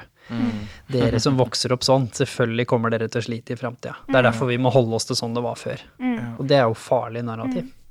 Jeg tenker det er veldig viktig at vi kommer også kunnskapen om kultursensitivitet går til lærere, barnehagelærere, ikke sant? at de veit at verden er ikke svart-hvitt. For det er der barnet lærer, ikke sant. Mm. um, og, og jeg tenker også at eh, det er veldig viktig at folk setter seg litt inn i dette her med hva kultursensitivitet betyr. Det handler ikke bare om å vite at indre bare spiser nan og tikka masala, liksom Og hva kultur betyr. hva kulturen er, ikke sant? Hva innebærer det når, uh, når eh, en vil ikke se deg i øynene? Hva betyr det? ikke sant? Dette betyr respekt, det betyr ikke nødvendigvis at man lyver. ikke sant? Så, så det øke kunnskapen om kultursensitiviteten er veldig viktig, tror jeg. Og så tenker jeg det så viktig er at, at eh, man har veldig åpen dialog. Både mellom foreldre og barn, men også foreldre og den arena barna omgås med. Ikke sant? Så at voksne der kan trygge foreldre på at vet du hva, vi skal ta vare på barnet ditt, men også det barnet du sender oss som en kultur. Da, ikke? Den, den kulturen du sender. Kan ikke du fortelle oss litt om hvordan dere gjør det? Hva gjør dere på den festivalen? Så kan vi snakke hvorfor. Hvorfor, Som også ligger, så du får liksom nesteleddet også, Ja, fordi ofte så mangler den. Ja. Når vi sier ja, vi sier sånn gjør Ja. vi det. Men så sier vi ikke Ja. hva ligger bak? Ja, for- hva er tanken? Ikke sant? For folk er så utrolig redde for å tråkke feil. De er redde for å spørre om feirer dere festival. Altså Det verste som kan skje, er at man sier nei, dette forholder vi oss ikke til. ikke sant? Men da har du spurt det. Ikke sant? Da har du i hvert fall vist at jeg ser deg, og jeg ser kanskje du er litt annerledes, eller annerledes i den forstand at du har kanskje andre verdier som ikke jeg er vant med, ikke sant. Så jeg tenker det er veldig viktig. Og så tror jeg også at hvis liksom Vi som representerer majoriteten, og per definisjon i samfunnets label, så gjør jo jeg det i Ja, Norge. Har ja. på en måte såkalte foreldre som, som kommer fra, Ja, fra området. Eh, og derfor så tror jeg at vi må komme ned fra vår høye hest om å liksom anerkjenne at ingen land, ingen kulturer, ingen steder hvor man har funnet ut av hva som er riktig, hva som er gode verdier og hva som er dårlige verdier. Vi har noen tanker, og våre tanker og verdier er på bakgrunn av hva vi har opplevd, ergo mine foreldre og mine besteforeldre. Nettopp. Det kommer ikke fra noe bedre eller dårligere utgangspunkt. utgangspunkt. We just dealt with what we had, og Ja. her er resultatet. Ja. Fordi når jeg reiste til Afghanistan og skulle jobbe der for første gang i et år, selv om jeg hadde sett ganske store deler av verden fra før, så det var ikke sånn at jeg var helt svart-hvitt, men da hadde jo jeg en ganske farga tanke om hva jeg skulle komme til. Det var selvfølgelig et sted hvor kvinner omtrent ikke eksisterte, ikke sant? så det var heldigvis jeg så dem, for å liksom overdrive litt. Ja, ja.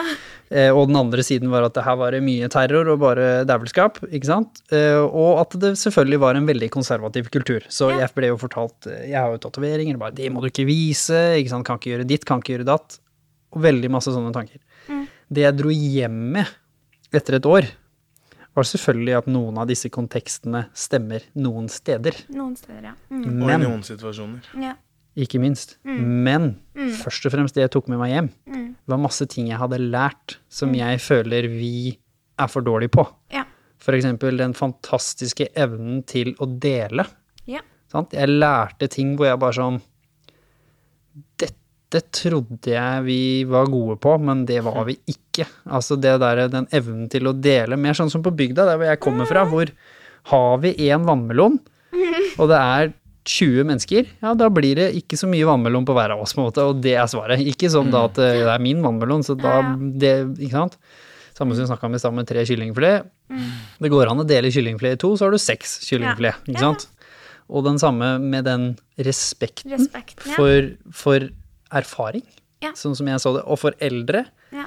Ikke en sånn iboende respekt som handler om at alle eldre er smartere, liksom, for Nei, nei. det, det føler jeg ikke nødvendigvis er nyttig, det er svart-hvitt igjen, men en iboende respekt for at du har levd lenger enn meg, Ja. du har kanskje sett mer enn meg, da skal jeg i hvert fall approache deg med en viss form for ydmykhet. Vi kan Ja. gjerne diskutere som like kvinner eller like menn, men sånn som et utgangspunkt, hvis jeg er 20 og kommer til Afghanistan mm. første gang, så skal ikke jeg komme og fortelle deg om hva som er riktig og galt, Nei. i et land hvor du har bodd i 60 år. 60 år, ikke sant? Ikke Ja, nettopp. Så visse ting tok jeg med meg hjem som fantastiske lærdommer, eh, og som hjalp meg. Som sagt, det var ikke sånn at jeg var så veldig svartfilt fra før, for jeg hadde vært heldig litt med bestemor og sånn som har utfordra og sånne ting. Men jeg fikk et enda videre perspektiv, som gjorde at når jeg kom hjem, så så jeg ting med veldig annerledes øyne. Som var veldig nyttig. Og jeg ble mer positivt kritisk til hvordan vi gjør ting selv. Ja. Og det tror jeg er et veldig godt utgangspunkt. fordi hvis du tusler rundt i verden og tenker at det du gjør, er det riktige, og det gjelder like mye som den nigerianske delen som, som den norske, og den såkalte innvandrerfamilien som den norske. For jeg tror begge to sitter egentlig med samme tanken. De sier sånn ja, den norske måten, den er litt for liberal, den er litt for langt out there. Mens vår er best. Og så har du den norske som sitter litt sånn på sin høye hest og sier nei, det der konservative greiene der, det drev vi med for 50 år siden. Ikke sant? Og så er det en sånn veldig sånn tullete måte å se på hverandre på. Istedenfor at man alle innrømmer at vi har alle veldig positive ting, og vi har alle ting som kan bli bedre. ja. Og La oss heller er- la cultural kids lead the way. Fordi Mm. dere kan få lov å utforske begge deler, og så er det dere som bestemmer. What's Og så er det litt sånn Er vi egentlig så forskjellige i bunn og grunn? Ingen måte. Ikke sånn ingen måte. Vi er jo ikke det. Nei, alle mennesker har de samme grunnleggende behov. Ikke sant? Alle vil ha tilhørighet, alle vil ha trygghet, alle vil ha hus eller ikke sant? Ja. mat. Marslows Jeg, jeg syns den er veldig fin, fordi den Når jeg ser nå, ikke sant, så Det første jeg søkte da jeg kom til Norge, var trygghet. Ikke sant? Er jeg trygg her? Det første jeg søker, er at Kommer jeg til å overleve her? Ikke sant? Og så kommer jo den der videre at OK, jeg må ha tilhørighet. Jeg kan ikke være aleine, ikke sant, fordi jeg er indisk og her er det bare nordmenn. Da må jeg finne en form for tilhørighet her. ikke sant? Hvordan kan jeg kjenne meg litt igjen i det? Jo, vi er ungdommer, eller vi liker å danse. Ok, da fant jeg noe, ikke sant? Og, og det, det er litt sånn Så vi er jo egentlig ikke så forskjellige, men, vi, men jeg tror det handler litt om at vi er så redde. Vi er redde fra begge parter. Noen er redd for å miste, mens andre er redde for at uh, jeg kan jeg kan få den andre til å føle seg dårlig. Eller? Det, det, det handler litt om det òg. Um, ja, jeg ser jo det nå i barnehagen. Folk spør så forsiktig ja, hva feirer dere noe, eller? Så jeg bare sånn, bare spør. Mm. Ikke sant? Ja, vi feirer, og jeg kommer til å si fra. Ikke Ja. sant? Og du bare kjenner Å ja, ok, takk. Ikke sant? da tar du styringa der. Det er mye, mye redsel knytta til, Det det. til det. Og så tenker jeg liksom Det, det, er, det er interessant, da, fordi liksom det du sier det burde man jo ikke være redd for Nei. å spørre om. Samtidig som hvor man går i den derre Hvor kommer du egentlig fra? ja. Det, det burde du være litt Altså, det burde Ja. du ikke spørre om, tenker Nei, jeg. nei. Fordi det er jo liksom Ja, jeg Eller det handler jo mest om at man må akseptere det svaret man får, da. At man liksom Ok, hvor kommer du fra? Ja, jeg er fra Oslo. Ok, kult. Men det man egentlig spør om, er jo liksom ja, men, men hvorfor er du brun? Ja, ja, ja. Men, men jeg tenker jo Ja, det er Men, interessant at men jeg tenker jo litt sånn Ingen spørsmål er jo egentlig i utgangspunktet ikke Altså det er jo ikke noe Det fins jo ikke noen dumme spørsmål, men det handler om måten man spør på. Ikke sant? Det, det er tydelig å si det at Vet du hva, jeg ser jo at du har svart hår, og du altså, ikke sant? Noen har det veldig tydelig at de ikke er norsk. Og så sier jeg OK, jeg vil bare vite om deg. Hvem er du? Så kan Men hva er egentlig norsk i 2021, på en måte? jo, jo, men, men ikke sant, hvis du skjønner hvis du, Jeg tenker at det må være lov å spørre, altså hvis det er rent nysgjerrighet. ikke sant? Det også er litt viktig at man på en måte kjenner på at Hvem er du? Jeg vil bli kjent med deg. Og da kan jo du få mer mulighet til å svare.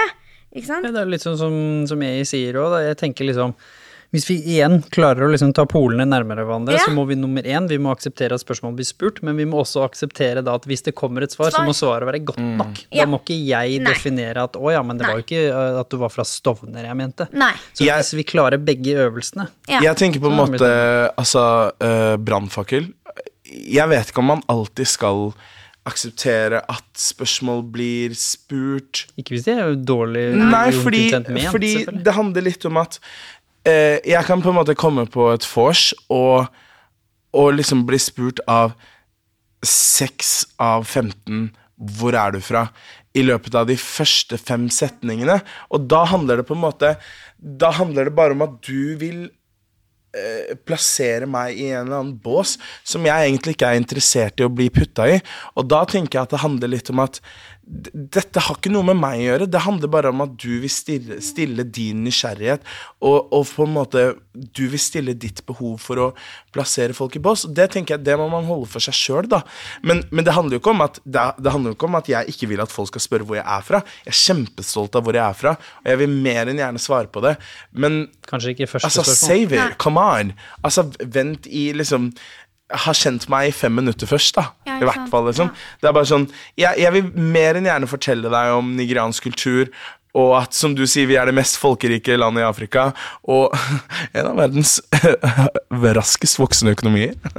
Would like to say. Nei, det er bare tuller. Eh, men, men ikke sant, det handler om at jeg er kjempestolt av hvor jeg kommer fra, og vil gjerne fortelle om det, men ikke la det være det første, fordi det er Altså, det er jo diskriminerende. Altså, det er jo Man skyver Det, u, altså, det skaper utenforskap, og man skyver folk unna.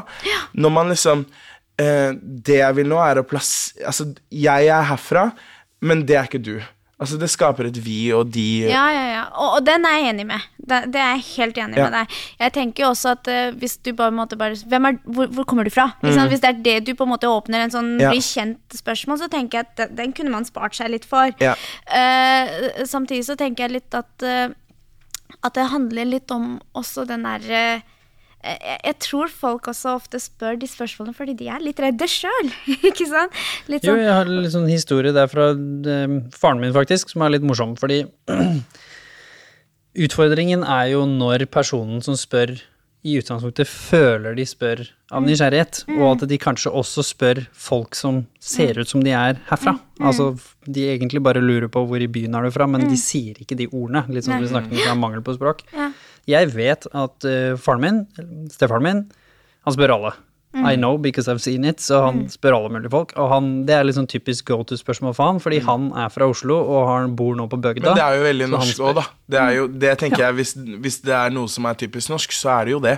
Man spør liksom ja, Hvor er du fra, liksom? Ja. Er, er du fra fra? bygda, liksom? Ja. Men det som er spennende Han sa det, og så ble han veldig sint når jeg sa litt det samme som, som jeg. Jeg sa men det må vi slutte med. I hvert fall hvis du liksom ser at noen i utgangspunktet kanskje ikke stereotypt skulle være fra Norge generasjoner tilbake i tid. Og så ble han veldig sint, for han følte det var veldig urettferdig. For han sa men jeg spør jo alle. Men så sa jeg men husk én ting. Hva er intensjonen din? Du er jo intensjonen din er jo å være hyggelig og snill, for han er jo verdens mest joviale fyr.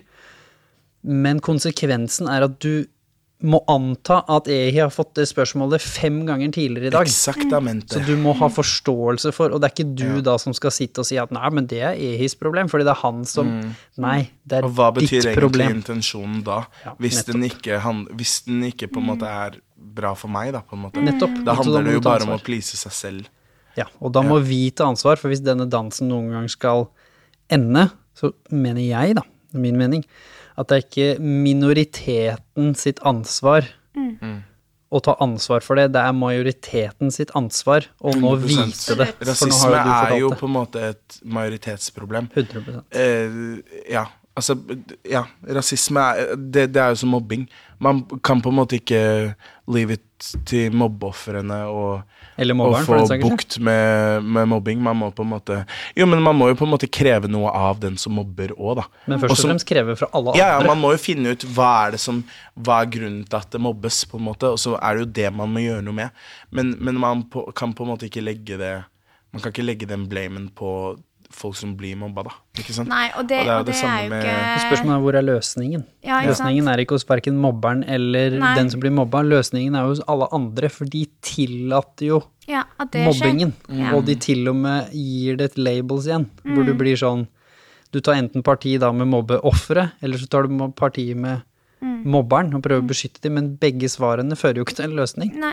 Du må heller si at, vet du hva, den måten å snakke til hverandre på er ikke akseptert. Nei. Så samme som rasisme i Norge, om det er fra rasisme fra Østlanding mot en bergenser, eller om det er for en såkalt hvit nordmann mot en som er blanda.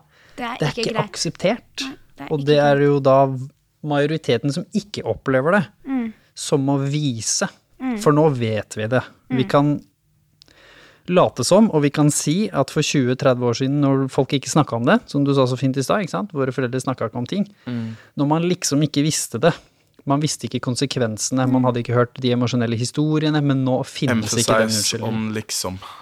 Ja, Fordi jeg man, mener også liksom. ja, man gjør jo det. Fordi, ja. Men nå, er det, nå finnes ikke den liksom engang. Everybody knows Jeg tenker at, det, det, ikke er, at det ikke er legit lenger. At man kan si sånn Ja, men bestemor sier N-ordet, men, men, men det er greit, fordi hun er, hun er, hun er så gammel. Nei, det er det, No, det er snart 2022, liksom, om et par måneder. Jeg bare sånn, Det er ingen som er så gamle i det landet her nå at de ikke For da, da kan man jo ikke da, da kan man jo ikke gjøre noe lenger. Da, da kan du ikke stemme lenger. Da kan du ikke For da, da kan du ikke være Da kan du ikke holdes accountable, på en måte. Hvis du ikke klarer å følge med. Du må på en måte Altså, du kan ikke velge bits and parts og forvente at man skal bli behandla som et eh, normalt oppgående voksent menneske. Og det er derfor jeg sa hvem sitt Ja. ansvar er det, da. Det er jo den som sier bestemor sier. Da er du det barnebarnet som må Ja, ta det har ansvaret og snakke med bestemoren. Ja, og det er uncomfortable, det er jævlig. Det er ekkelt på julaften å måtte si til onkel Einar bare sånn Nei, onkel Einar, du kan ikke si N-ordet. Eh, Det er ikke greit. Og nei, du kan ikke tulle med å si indianer. Det er ikke greit lenger. Vi har tatt ut av ordboka. Ord har makt. Dette må vi gjøre. Altså, det er uncomfortable as fuck, men man må stå i det. Og det er kjipt, og man har faktisk et ansvar. Og igjen til det der med at rasisme er et majoritetsproblem. Eh, people of color kan ikke løse rasismeproblemet. Det må komme fra hvite fordi Jeg vet at mange er uenig i det, men jeg bryr meg ikke så mye. Men, men hvite mennesker er på en måte de som utøver rasisme, fordi det er en systemisk greie. ikke sant? Og da, da må man gå til roten av systemet, og det er kun på en måte folk på toppen av systemet da, som, som kan gjøre noe med det. Det er liksom Altså, it's a fact. Det er ikke så mye man Og så er det lettere også, fordi hvis Stian, da, si vi var brødre da, i samme familie, og så var det onkel Einar, som han sier nå, og så er det Stian som sier det, da vil alltid onkel Einar føle at nå kommer dette fra at du er hårsår. Det er Ja. du som Ikke sant? Så det blir alltid en fight. Men hvis det kommer fra meg til onkel Einar, så har han ikke det argumentet. Og da er det litt lettere, hevder jeg, å få den forståelsen som jeg fikk med stemefaren min, fordi jeg forklarte han jo hvorfor han ikke skal gjøre det. Fordi de ikke møter hans verdier. Så sa jeg, men du har jo ikke noen verdier av å såre noen. Ikke sant? Det hadde han jo Og ikke. ikke er, det, ikke er det på en måte People of Colors ansvar heller, da. For, man, for da er man det, altså, det blir jo det samme som å på en måte igjen kreve at mobbeofferet skal deale med mobberen. Eller grunnen til at den blir mobba, på en måte. Det er jo Ja. Det, Nå vet vi. ikke sant? Og man er nødt til å educate seg sjøl, fordi Igjen, ass. I, det er snart 2022, liksom. Altså, we're living in the future. Come on. Du er nødt til å du- man, Vi forventer så mye Altså, det er så mange andre ting, så mange andre arenaer der vi forventer ting av voksne mennesker. Du forventer på en måte at man skal ha en basic knowledge. Du forventer at Jeg, jeg forventer ikke at du skal ut Altså øh, grave deg inn og finne ut alt om nyhetene, men jeg forventer at du, at du vet på en måte en basic greie. Altså, holdt på å si hvem som styrer landet og, og, og hva som Altså, det er en basic line of information som alle burde vite, da. Og i 2022 så tenker jeg bare at du burde vite at man ikke gjør dette og dette og dette. Det er ganske, det er ganske enkelt, liksom. Det tar ikke så lang tid. Det er bare eh, ja. Men vi ligger jo litt fortsatt tilbake på det med integrering, da. For. Veldig. Ikke sant? Veldig. Og, og det Jeg er helt enig med at det er liksom majoriteten som på en måte tar, skal ta Det er der løsningen ligger, i hvert fall. Ja, men, men samtidig så tenker jeg også litt at vi Uh, også kan være litt mer åpne, da. Ikke sant? Litt sånn direkte på at, vet du hva, nå er vi her, at dette er ikke greit lenger, ikke sant. Og, og, og jeg tenker ikke at man skal ta fullt og hele ansvar, men hvis man tenker at vi skal være brobyggere, da. Ikke sant? Vi, det er det vi alle har et ansvar som òg, ikke sant. At OK, eh, når du spurte dette her, nå kjente jeg at dette var ikke greit for meg, ikke sant. Og så tenker jeg liksom Det er majoriteten sin ansvar, og altså, alle står ansvarlig for det de sier. Ikke sant? Men, men jeg ser jo det nå, ungdommer er jo kjempeflinke på nå å irettesette mamma og pappaen sine. Det der kan du ikke si, pappa. Ikke sant? Det der kan du ikke si, mamma. Men jeg føler også, som du sier, kanskje at jeg personlig har forstått Det er ikke nødvendigvis alltid det jeg har tenkt, fordi jeg har mangla innsikt. Eh, men jeg har vært heldig og fått veldig mye innsikt av veldig mange som har stått i et lignende type situasjon som, som jeg i, som har hjulpet meg å forstå at det ansvaret ligger ikke der. Det er en mulighet. Det er en mulighet. Mm. Dere som kommer fra en annen form for forståelse og sitter med den, liksom, den følelsesmessige erfaringen, det er dere som har kjent rasisme på kroppen, noen av dere da. Dere har muligheten til å ta den muligheten når den byr seg, men det kan ikke være et ansvar, fordi det ansvaret er jo Veldig folk lei. det. Det er slitsomt. Ja, Ja. for hvor mange ganger skal man på en måte være nødt til å banke på den døra, da? Fordi jeg tenker at altså Den amerikanske økonomien er bygd opp av Den er bygd på, på slaveri, ikke sant? Det had- det hadde ikke vært noe Amerika som vi kjenner i dag, uten slavekraft. For ikke snakke om Europa. Og Eh, ikke sant? Populærkultur Jeg vet ikke om Altså, man burde bare få med seg den uh, New York Times-podden 1614 eller et eller annet sånt. Jeg husker ikke. Tips, sjekk det ut. Fordi den bare er så Den forklarer hvordan hele det amerikanske popkulturen er bygd opp av slave trade, ikke sant? Men man, hvor lenge skal man dunke på den døra? Hvor lenge skal man være nødt til å på en måte si at dette er ikke greit, før på en måte folk tar ansvar da, for det sjøl? Fordi det er bare sånn, jeg er ikke interessert i å fortelle noen at det de sier er rasistisk, langt Altså til jeg blir 40-50, liksom. Jeg er bare sånn Nah, I'm sick of it. Altså, man er nødt til å ta ansvar for sine egne handlinger, da. Og det du sa med at det er en mulighet, det er en mulighet jeg har. Det er ikke hver Det er ikke hver det er ikke hver situasjon jeg orker og er i stand, eller er i fysisk eller psykisk form til å retraumatisere meg. For det er det jeg gjør hver gang jeg går inn i de situasjonene. Man retraumatiserer seg sjøl. Man opplever alle de rasistiske situasjonene man har vært i, på nytt og på nytt og på nytt og på nytt igjen. Og det er sånn ah, Det er ikke hver Det, det er ikke It's not every day. Det er ikke hver dag jeg orker det. det er veldig, veldig vanskelig om umulig å være sitt beste jeg når du står i den. Så jeg mener jo også at hvis jeg går inn i den situasjonen med onkel eh, Einar, så er sannsynligheten også til stede at onkel Einar får en av sine forferdelig tullete fordommer oppfylt. Sånn som vi snakket om i stad med Ja. sinne. Mens Ja, for da blir jeg Men- han sinte, svarte mannen Exakt. som på en måte jeg tenk- enda en gang ødelegger juleselskapet. Liksom. Nettopp, Ja, og, og der er jo ikke løsning. Nei, og, og, det, og det er ikke det jeg prøver å si Nei, heller. det var ikke det vi sa heller. Nei, Nei, men, men ikke sant, folket, eh, liksom. jeg må bare si hva på en måte Fordi jeg tenker at når det er mange, og, ikke sant, og det kommer, så er jeg helt enig, du skal ikke stå ansvarlig for det. Fordi den som spør, bør kunne vite bedre. Mm. Ikke sant? Det er jeg helt enig i. Og da tenker jeg også Det er den andre broren, da, som skal si Vet du hva, nå går du litt over streken her. Mm. Ja. Ikke sant? Det tenker jeg Det er faktisk et ansvar. det er, det, ikke sant? Det er Ja. faktisk ditt Men det som er mer spennende med ansvar, er at når du tar muligheten, Mm. som du sier Hvis du nå Ehi velger I'm going into this situation right now, I feel like it's Mm. time. Da er det viktig å si det ansvaret du har for å gå inn i den med riktig intensjon. Mm. Går du nå inn i den bare for å bli hørt, og for å få ut dine 17 andre Ja, incidents, og så skal det lande på, på meg? Mm. Eller går du nå inn i den med en intensjon om at du ønsker å fortelle dette mennesket noe de ikke visste fra før? Som for eksempel kan være hvordan føler du deg når jeg spør deg Mm. hvor er du fra? Da tenker jeg at vi kan få til. Hvis jeg og majoriteten tar ansvaret 99% av gangene, Mm. og så den ene siste lille prosenten, de få da som velger å ta den muligheten når den kommer, at den muligheten da blir tatt med en intensjon om at her er vi interessert i å løse det, Løse ikke få ut frustrasjonen.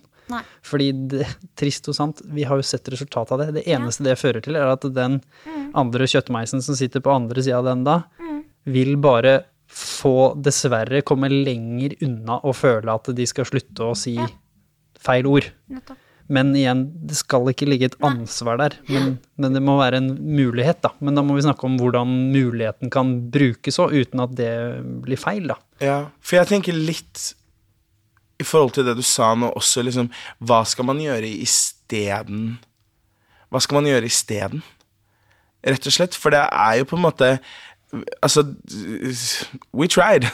Jo, og det det og det, og tried. det handler jo på en måte om at det er sånn eh, Ja, jeg er helt enig i at i en perfekt verden så burde, det, så burde intensjonen være god, på en måte. Men så er det ikke alltid sånn, da. At man det er jo sjelden, så. at, at, at du har på en måte fysisk eller psykisk kapasitet til at den intensjonen skal være god. Og da tenker jeg at det gjør kanskje ikke så mye at, man, at det er en utblåsning. At det på en måte uh, det, Igjen, da, det er ikke ditt ansvar. Og at man kan Ja, at innimellom må, man, innimellom må man blåse ut òg, på en måte. Det er jo ikke det at det er noe galt i det, men er som du sier, I think we tried that, og nå er det La oss prøve at majoriteten tar ansvar isteden. Og så ser vi hva som skjer da. Og så er heller det lille ansvaret som ligger igjen nå, det er at vi skal få flere som tør å gjøre det dere gjør i dag. Man snakker om det, men på en måte hvor man snakker om det så rolig som man kan, og gir innsikt. Hvordan føltes det? Hvorfor er det utfordrende? Hvorfor føles det urettferdig? Og hvorfor ble jeg sint? Because there's a reason why I was angry. Og det er en grunn som du burde være nysgjerrig på å høre. For da kanskje du ikke spør meg neste gang på fest hvor jeg kommer fra, før femte gangen du møter meg og sier du, nå kjenner jeg deg ganske godt.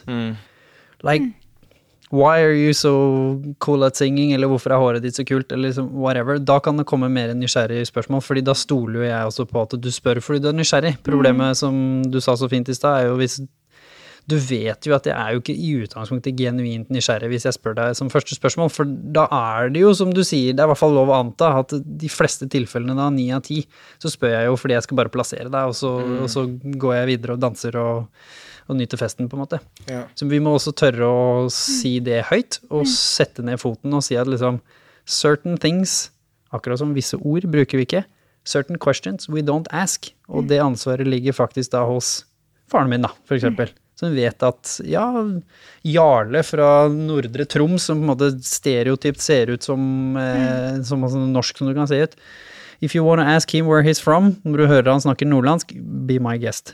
Fordi du vet at han går ikke nødvendigvis med noe, noe voldsomt eh, tøff utfordring med det, men ikke spør Stian hvor han er fra i første tre spørsmål, og så må det være pappa sitt ansvar.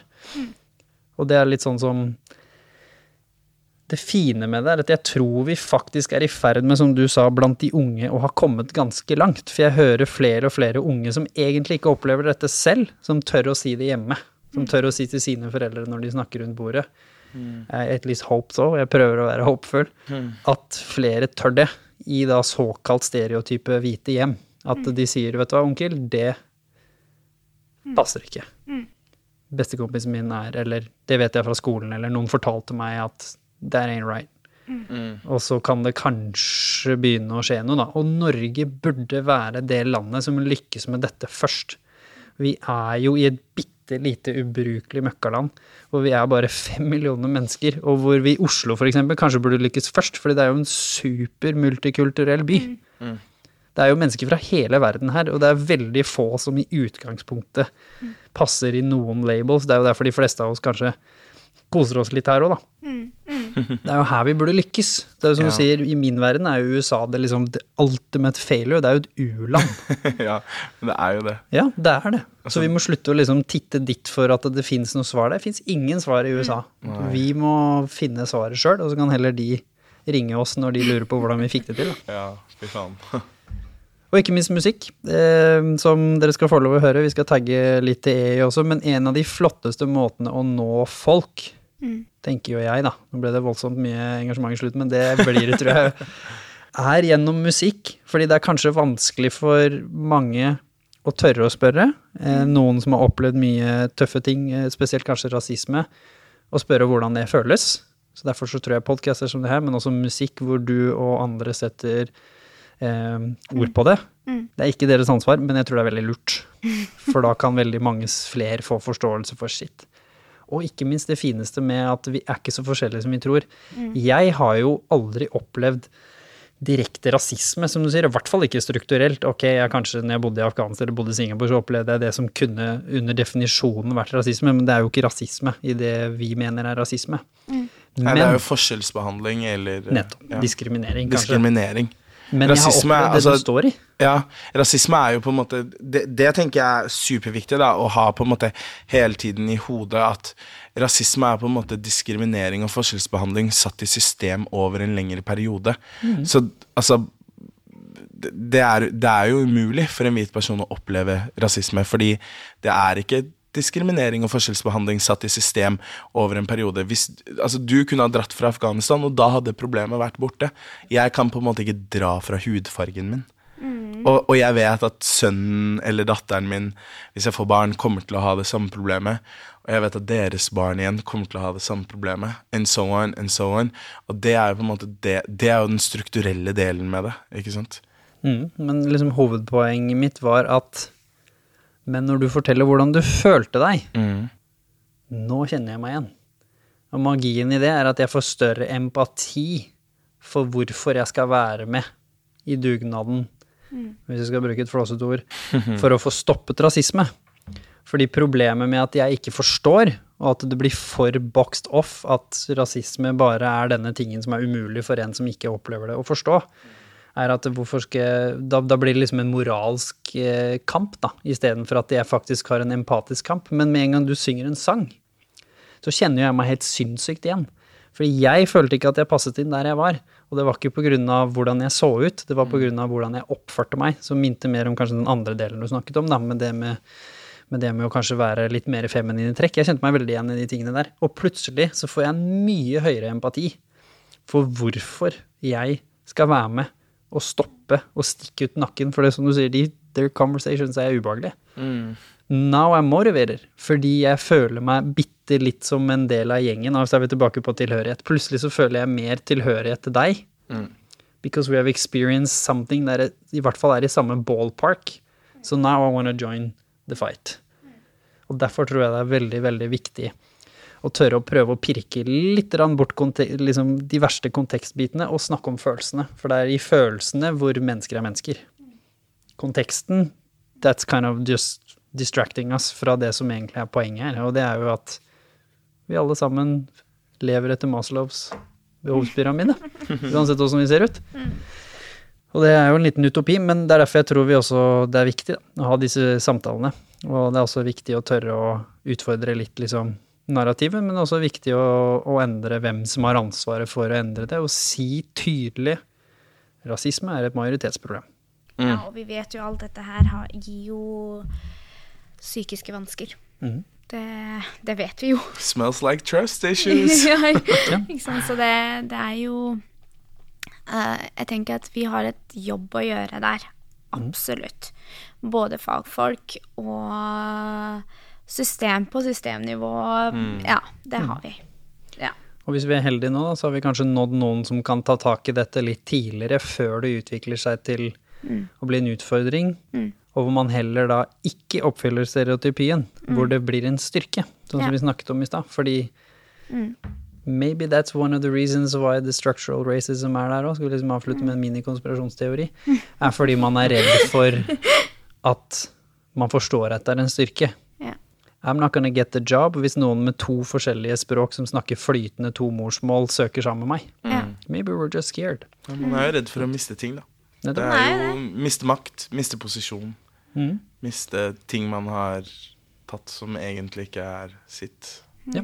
Og derfor så er det kanskje ekstra viktig også å hjelpe de som besitter denne kompetansen, å bruke den. Fordi da blir det jo Mer sakte, men sikkert eh, litt mer til alle, og litt mer fair, da. Da blir jo kanskje samfunnet litt mindre diskriminerende, da. For da får man jo flere, som vi snakket om i stad, i maktposisjoner. Og heldigvis nå så vil det være flere, flere på Stortinget med multikulturell kompetanse enn noen gang, hvis vi skal bruke det ordet isteden. Ja. Og da er vi ett steg nærmere. For da vil jo de bli beskyttet. det gir, det gir litt optimisme når man Ja, det ser det. Ja, den, Det må den utviklingen det går, så Ja. tenker jeg La oss klappe for Marian Hussein på Stortinget, altså. Og tør, folk som tør å, å stille seg da sammen, hvor Kamzy og Raymond Johansen f.eks. nå har sagt at we found a problem. Politiet må nå ha kvittering. De må nå fortelle hvorfor de stoppet folk, og det må være some justification i that. Fordi selvfølgelig, da kan man ikke gjemme seg lenger. Da kommer det opp. Og da har vi liksom et konkret tiltak er like Ja. viktig som representasjon også. Fordi da må man jo se at Jeg blir nesten litt, litt ør av kvitteringsordning, jeg. Bare høre ordet. Ja. Det er, åh, Det er spennende.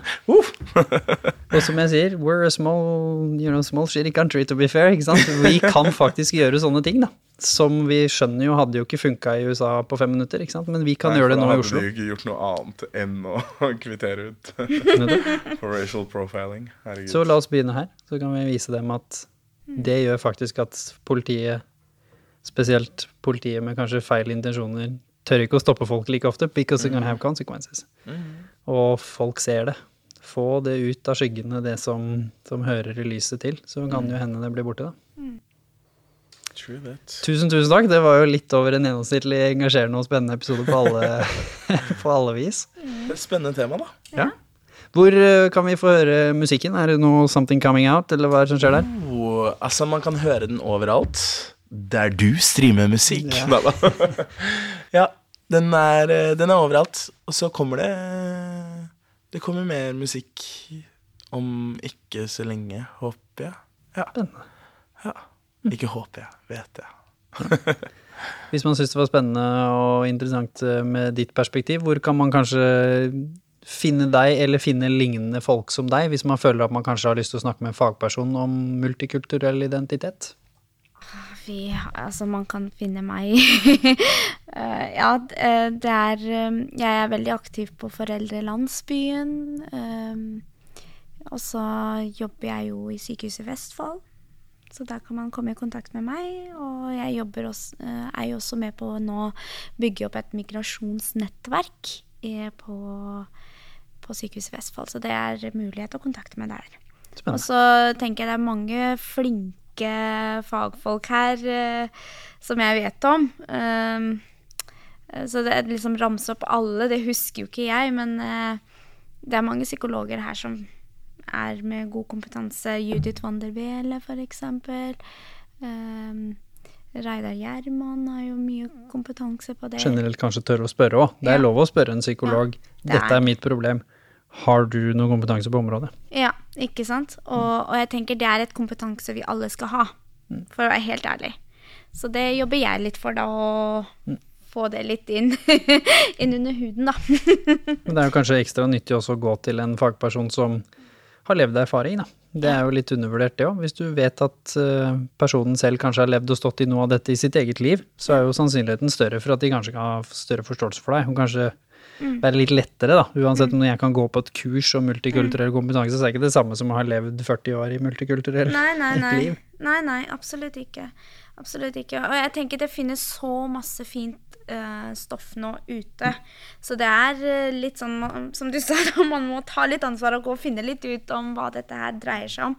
Fordi naboen din har et, et barn som er fra et annet kultur, ikke sant? Og du bor jo liksom i en sånn veldig diverse uh, sted nå, i, i Norge som et lite land, ikke sant? Og det er så viktig, og jeg tenker disse barna trenger raskt å kjenne på at jeg tilhører her. Jeg er en del av det samfunnet her. For vi trenger disse barna, da. Absolutt. Og la oss nå prøve å gjøre for de barna, som våre foreldre prøvde så godt de kunne for oss, at de skal få et samfunn som er litt bedre enn det vi sto og sleit i. Absolutt. Amen to that. Amen to that. Tusen hjertelig takk. Eh, Tusen takk til dere som hører på. Husk å dele denne episoden her, for jeg følte jeg det var veldig mye spennende engasjement, men også mye god innsikt og læring og god levd erfaring. Dette kan være en god start på en sunn samtale rundt middagsbordet, tenker jeg. Uansett om det er i- kollektivet, eller om det er eh, rundt et såkalt familiemiddagsbord. Tusen hjertelig takk. Ha en god dag, folkens.